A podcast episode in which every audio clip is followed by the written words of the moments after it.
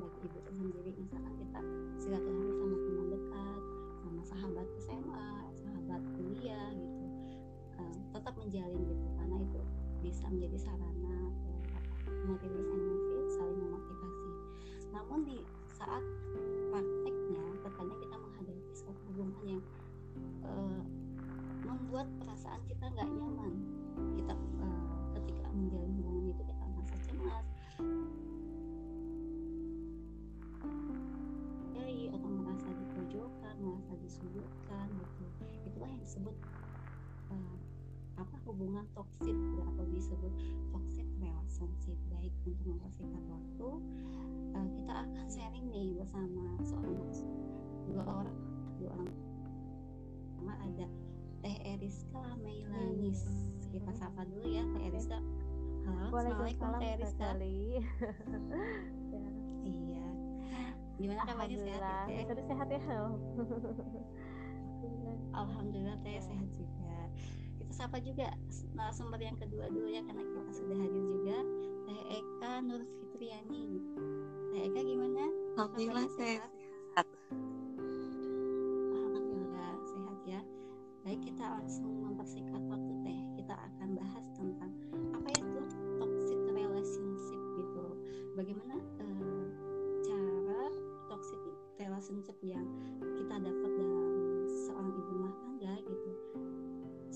Supaya nggak ngaruh gitu,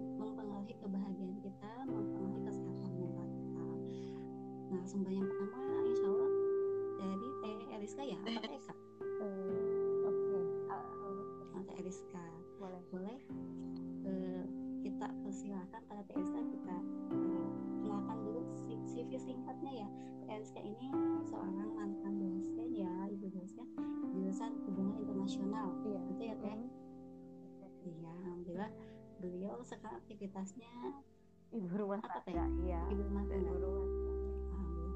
memilih bekerjanya langsung di ranah publik teh nah otomatis ya pasti banyak pengalaman eh, tentang hubungan toksik nih teh Hmm, ya pasti. eh, di dalam mm, perjalanan kehidupan teteh menjadi seorang ibu. Nah langsung saja mempersingkat waktu silakan teh kita sharing apa sih toxic Oke. relationship eh, menurut teh Eriska Kalau saya sendiri relationship itu adalah dari definisi Napoleon Glass. Dia adalah orang yang pertama kali mendefinisikan tentang toxic relationship dari bukunya yang berjudul Toxic People terbitan tahun 1995. Dia eh, berkata bahwa setiap hubungan antara manusia yang tidak mensupport satu sama lain, di mana di situ selalu ada konflik dan eh, salah satu atau keduanya saling merusak satu sama lain dan selalu ada kompetisi dan juga tidak menghormati satu sama lain. Eh, juga ada rasa ketidakinginan untuk bersatu ya untuk harmoni itu tidak ada. Nah itulah adalah bentuk, bentuk toxic Kita relationship itu seperti itu. Eh, ya.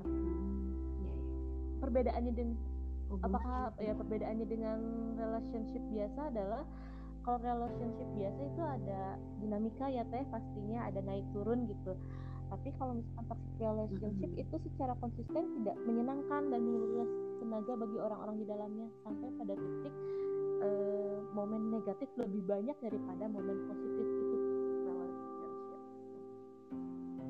Mm-mm. jadi lebih banyak Iya. negatifnya gitu ya nggak Hmm, balance tidak balance gitu. ya benar jadi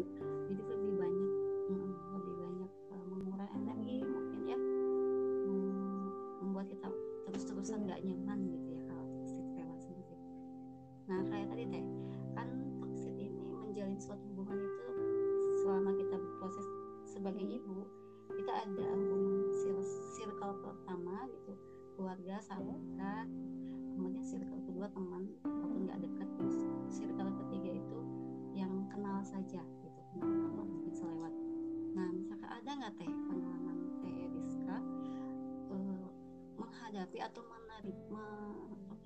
menerima atau menghadapi menerima sebuah hubungan yang toksik gitu dan mengalaminya gitu langsung. Gitu.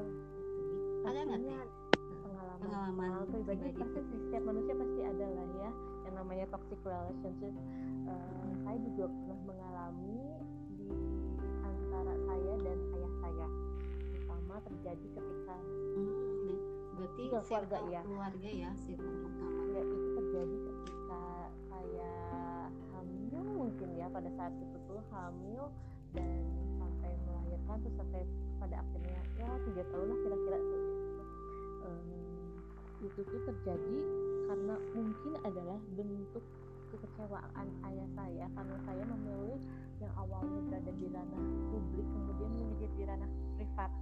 Hal itu terjadi karena tiba-tiba eh, pada saya saat hamil saya mengalami pendarahan dan sudah melahirkan kemudian saya berpikir ini siapa yang mengurus anak gitu ya.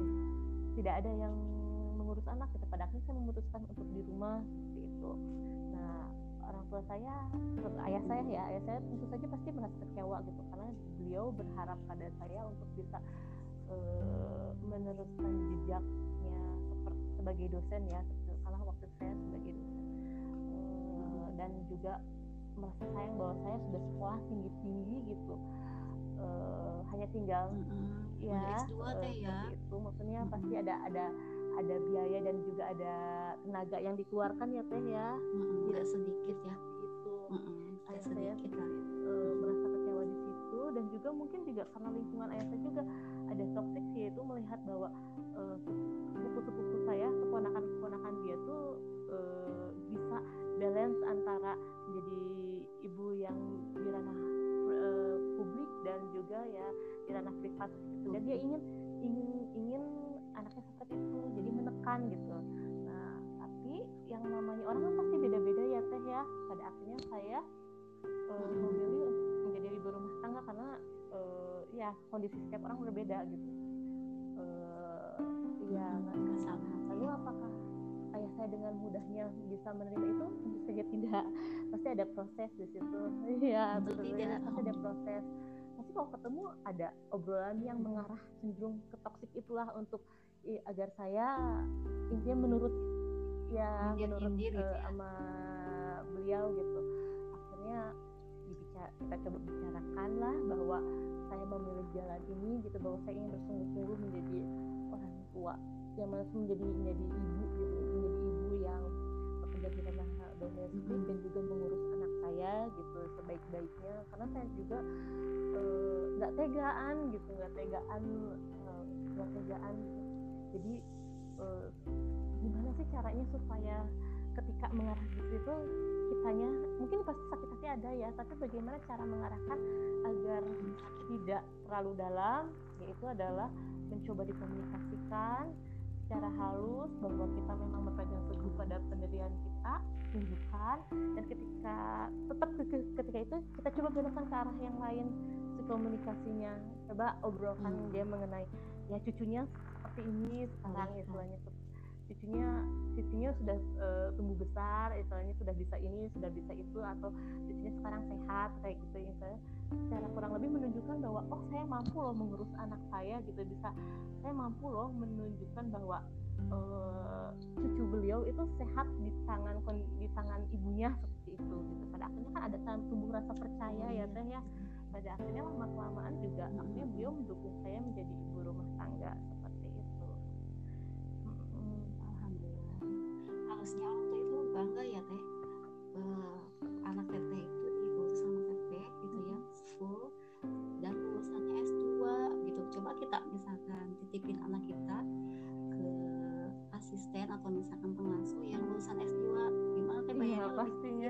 maksudnya ada harga ada jasa juga hmm. ya jadi anak cucunya itu ada di tangan seorang tangan yang lulusan S2 harusnya bangga gitu hmm. gitu ya ya alhamdulillah teratasi gitu ya iya. seiring waktu berapa iya. lama teh dua dua tahun sampai tiga tahun lah pokoknya seperti itu iya. Komunikasi ya di sini itu karena kan nggak mungkin ya. Nggak mungkin orang tua kita bilang kata tidak gitu nggak mungkin gitu misalnya pasti ya secara halus. Nggak mungkin. Nggak mungkin langsung nggak gitu gitu. Pasti harus ada conversation yeah. halusnya gitu. Kita terima dulu gitu. Nanti yeah. lambat laun kita pahamkan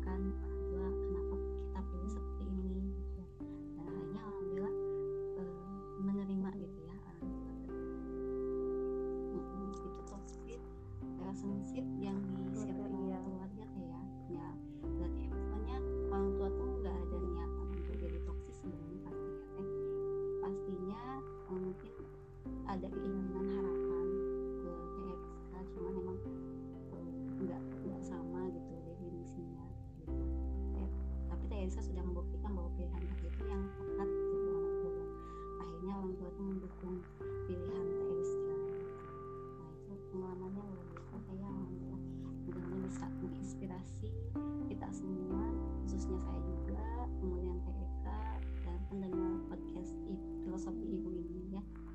Kemudian ada nggak teh ciri-ciri ketika kita nanti mungkin seiring berjalan waktu ketemu lagi gitu toxic relationship gitu. Mungkin itu di circle keluarga.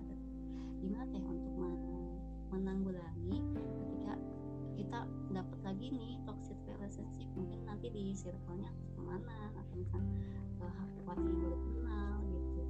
Berarti kita harus tahu dulu nih ciri-ciri toxic itu toxic relationship itu mengarah ke mana gitu. Kayak gimana uh, toxic relationship itu uh, sebenarnya itu yang paling berbahaya adalah ketika udah dalam bentuk kekerasan ya. Tapi biasanya kalau dalam keluarga yang dekat itu kita jarang ya semoga insya Allah. Semoga enggak ya. Cuman uh, untuk agar kita mengenali toxic relationship sekitar kita itu seperti apa tuh adalah pertama sederhana paling sederhana adalah kita merasa tidak bahagia terus menerus ya teh. Iya. Mm. jadi kita tuh merasa tidak bahagia jadi merasa sedih marah merasa asing yang seperti itu. Merasa tidak berguna. Atau bahkan mungkin saja kita iri pada pasangan yang lain yang dianggap masa lebih bahagia. Nah itu juga bentuk toksik. Kita harus hati-hati gitu. Kalau kita iri terhadap yang lain nah itu bisa saja sebenarnya kita tuh dalam hubungan toksik gitu. Nah yang kedua adalah ada perubahan negatif dalam kesehatan mental kepribadian atau uh, pada diri kita juga. Itu merupakan tanda bahaya uh, ketika uh, bisa didiagnosis secara klinis ya seperti depresi, kecemasan, gangguan makan, uh, terus ada nervous berkelanjutan, terutama ketika kita uh, di sekitar pasangan kita atau ketika dengan orang yang toksik gitu, yang kita apa ada kita berada dalam hubungan toksik dengan dia gitu, itu. Uh, sehingga kita nggak bisa menyuarakan bahwa kita tuh nggak uh, bisa menyuarakan bahwa uh, diri kita tuh ada masalah apa tuh nggak bisa gitu kemudian yang ketiga ada perubahan dalam hubungan yang lain atau cara kita menghabiskan waktu ruang. Terus kita merasa salah teh kalau misalkan kita menghabiskan waktu untuk me time gitu.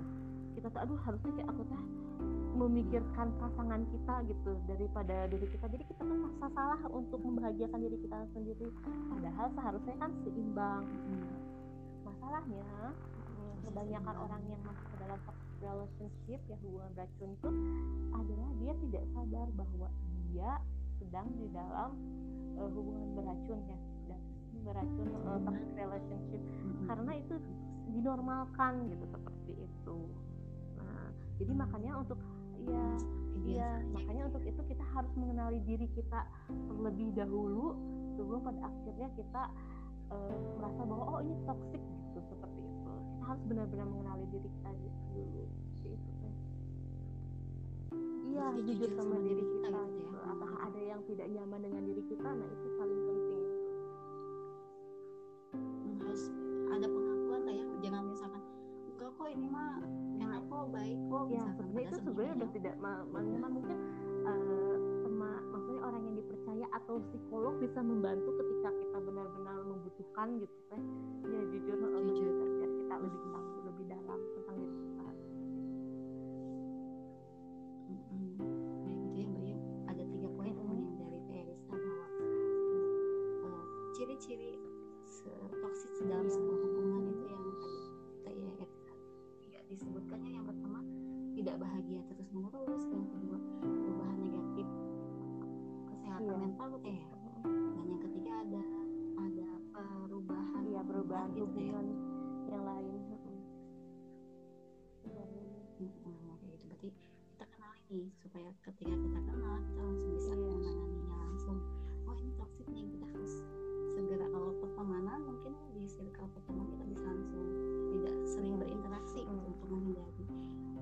iritasi gitu ya ke hati atau ke kesehatan mental kita sebagai seorang ibu atau kalau di circle keluarga itu kan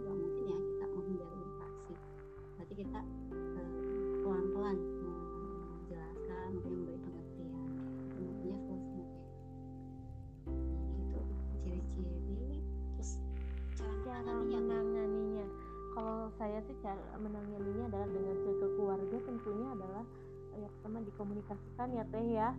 Eh, ketika komunikasi itu komunikasi. penting itu adalah kunci dari segala hubungan. Ya. namun jika misalkan itu di luar circle keluarga atau ya eh, maksudnya pertemanan kayak gitu kita bisa mengatakan say no bentuk beri penolakan bahwa kita tidak nyaman dengan dengan hubungan toksik itu gitu ya harus bisa jujur jujur iya. Dan nyaman. yang ketiga jika pada akhirnya eh, mengarah pada hal yang berbahaya pada kekerasan eh, pada kekerasan itu biasanya dilakukan oleh maksudnya banyak ya punten eh, kayak KDRT yang kayak gitu-gitu gitu itu banyak apalagi zaman zaman sekarang gitu ya teh. Ya, itu bisa ini saya ya, pasti banyak pemicu, banyak pemicu gitu ya. faktor ekonomi lah faktor apa gitu. Itu harus benar-benar diakhiri eh, dan dilaporkan kepada pihak yang berwenang. Nah, itu itu tuh harus soalnya itu pasti bakal merusak mental dan fisik kita juga ya bagaimanapun juga seperti itu Hmm, betul. Berarti yang pertama untuk apa? Just menghadapi atau menghindari itu dikomunikasikan kuncinya di komunikasi yang bagus tuh ya ya. namun ya Hmm, terus namun jika terus berlanjut ya udah say no gitu ya beri penolakan Heeh. nah tapi eh, jika jika ternyata berbahaya gitu pada kita gitu dan mengarah pada kekerasan itu benar-benar harus diakhiri dan dilaporkan teh. Soalnya bagaimanapun juga pada akhirnya kan akan bertindak suatu kejahatan ya teh. Karena itu bisa membuat kejahatan yang namanya toxic relationship itu seperti itu. Hmm, ya. Jadi kita tuh langsung bisa Iya, harus benar-benar gitu ya supaya kita tetap menjadi ibu yang waras, iya. ibu yang tetap bahagia. Karena itu sangat berpengaruh ya iya. ke ibu yang bahagia itu ke anak, ke suami. Kuncinya adalah ibu yang bahagia. Oke udah iya. umumnya makanya lebih ke TRSK kita sharing juga nih ada satu narasumber yaitu TEK Nur Fitriani beliau itu lulusan kimia murni. Ya teh di UIN UIN sama Gunung Jati Bandung. TRSK kita sapa dulu. Saya eh, TEK nya ya TRK TK sudah on? On teh, alhamdulillah udah on. iya. Ya. Iya. Ayo teh teh kita mulai teh. Pengalaman teteh tentang toxic relationship ini. Tadi teh Elisa udah panjang nih. Gimana teh kalau sharing pengalaman teteh pribadi tentang toxic relationship ini? Ada nggak teh pengalaman pribadi dan teteh? Gimana nih cara menanggulanginya gitu supaya menghadapinya? Supaya teteh itu nggak berlarut-larut loh iritasi hatinya gitu kan pasti nggak nyaman ya hubungan dengan orang yang toksik gitu. Gimana tentunya ada dong? Ya untuk toxic Ada. in uh, toxic relationship ini pasti dirasakan gitu ya oleh semua orang namun mungkin ada yang menyenangkan pun tidak sendiri. Saya sendiri khususnya pernah mengalami ketika saya memutuskan untuk eh, menjadi ibu rumah tangga sebelumnya nah, sebelumnya kan pernah tetap di situ ya pernah di saat bekerja di ranah publik juga gitu. Gimana?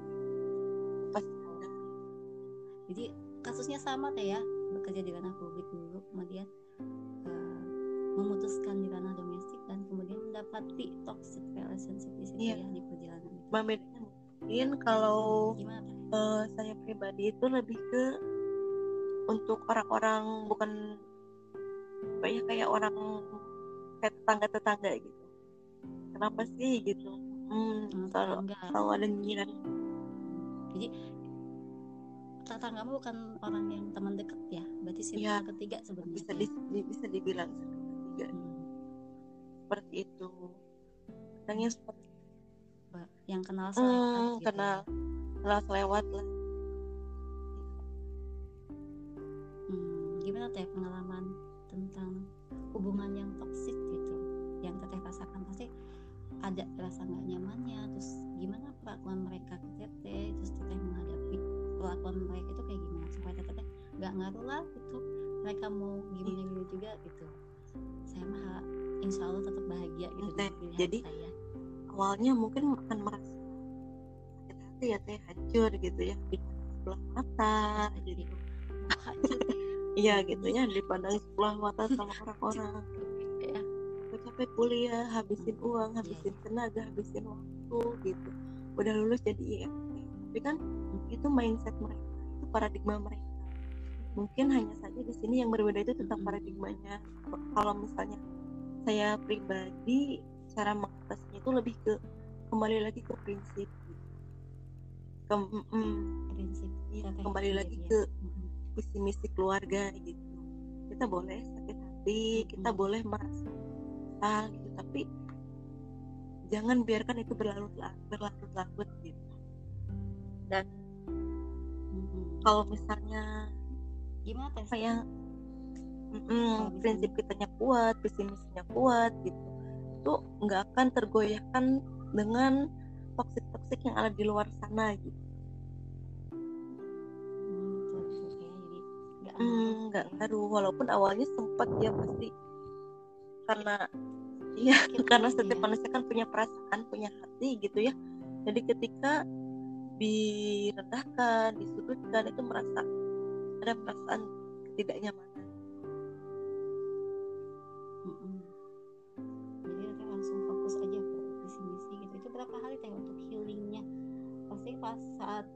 mendapati statement hari itu gitu, pasti perasaan teteh itu wah sedih gitu ya.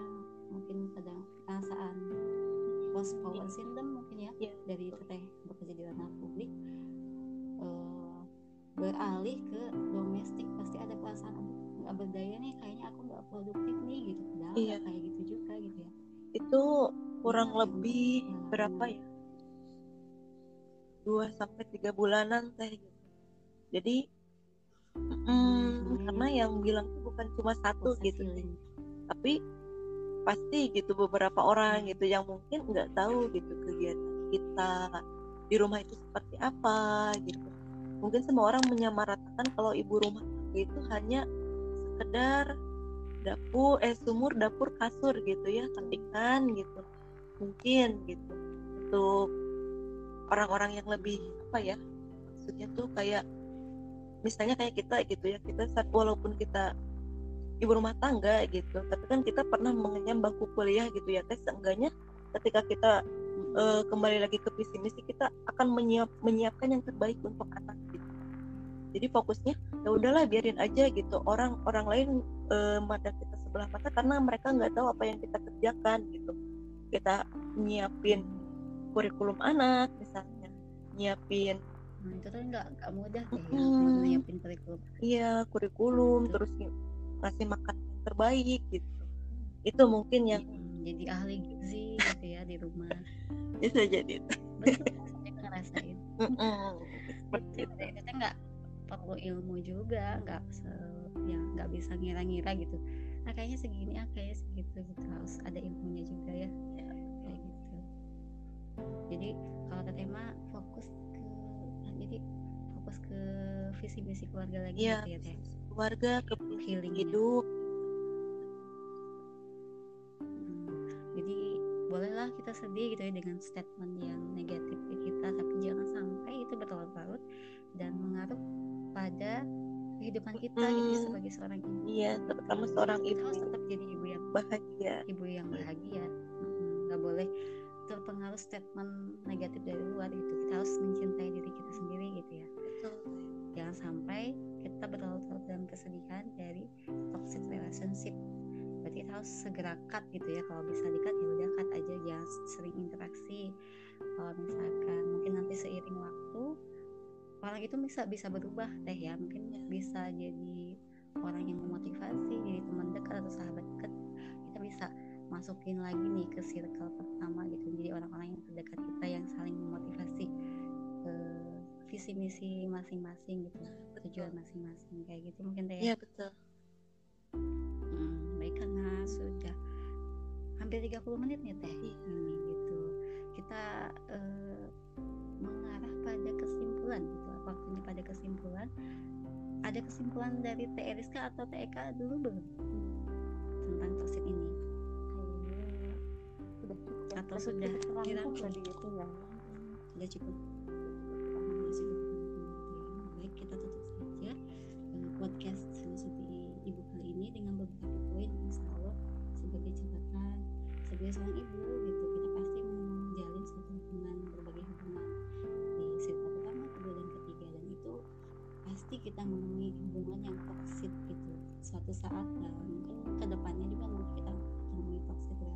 juga. Nah berarti tadi ada tips gitu ya cara menghadapi toxic relationship. Tadi dari Teh Eriska sudah dijelaskan bahwa kuncinya perbaiki komunikasi gitu. Kemudian kalau Teh Eka tadi bilang bahwa kita fokus lagi nih pada tujuan diri kita. Visi misi keluarga ya udah orang lain bilang eh, negatif tentang pilihan kita kita nggak boleh kepengaruh gitu.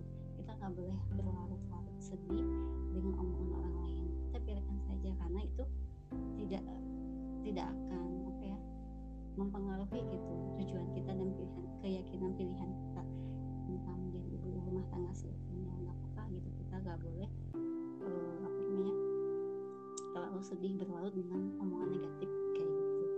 Kemudian itu tips menghindari ya menghindari toxic relationship. Pokoknya kayak tadi secara garis besarnya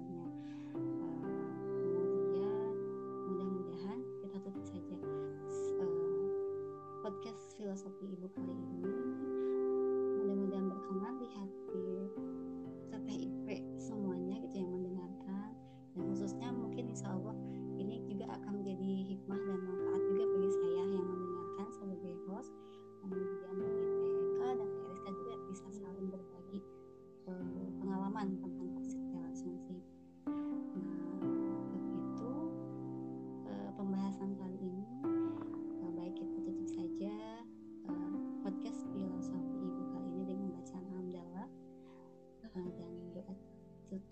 alhamdulillah eh,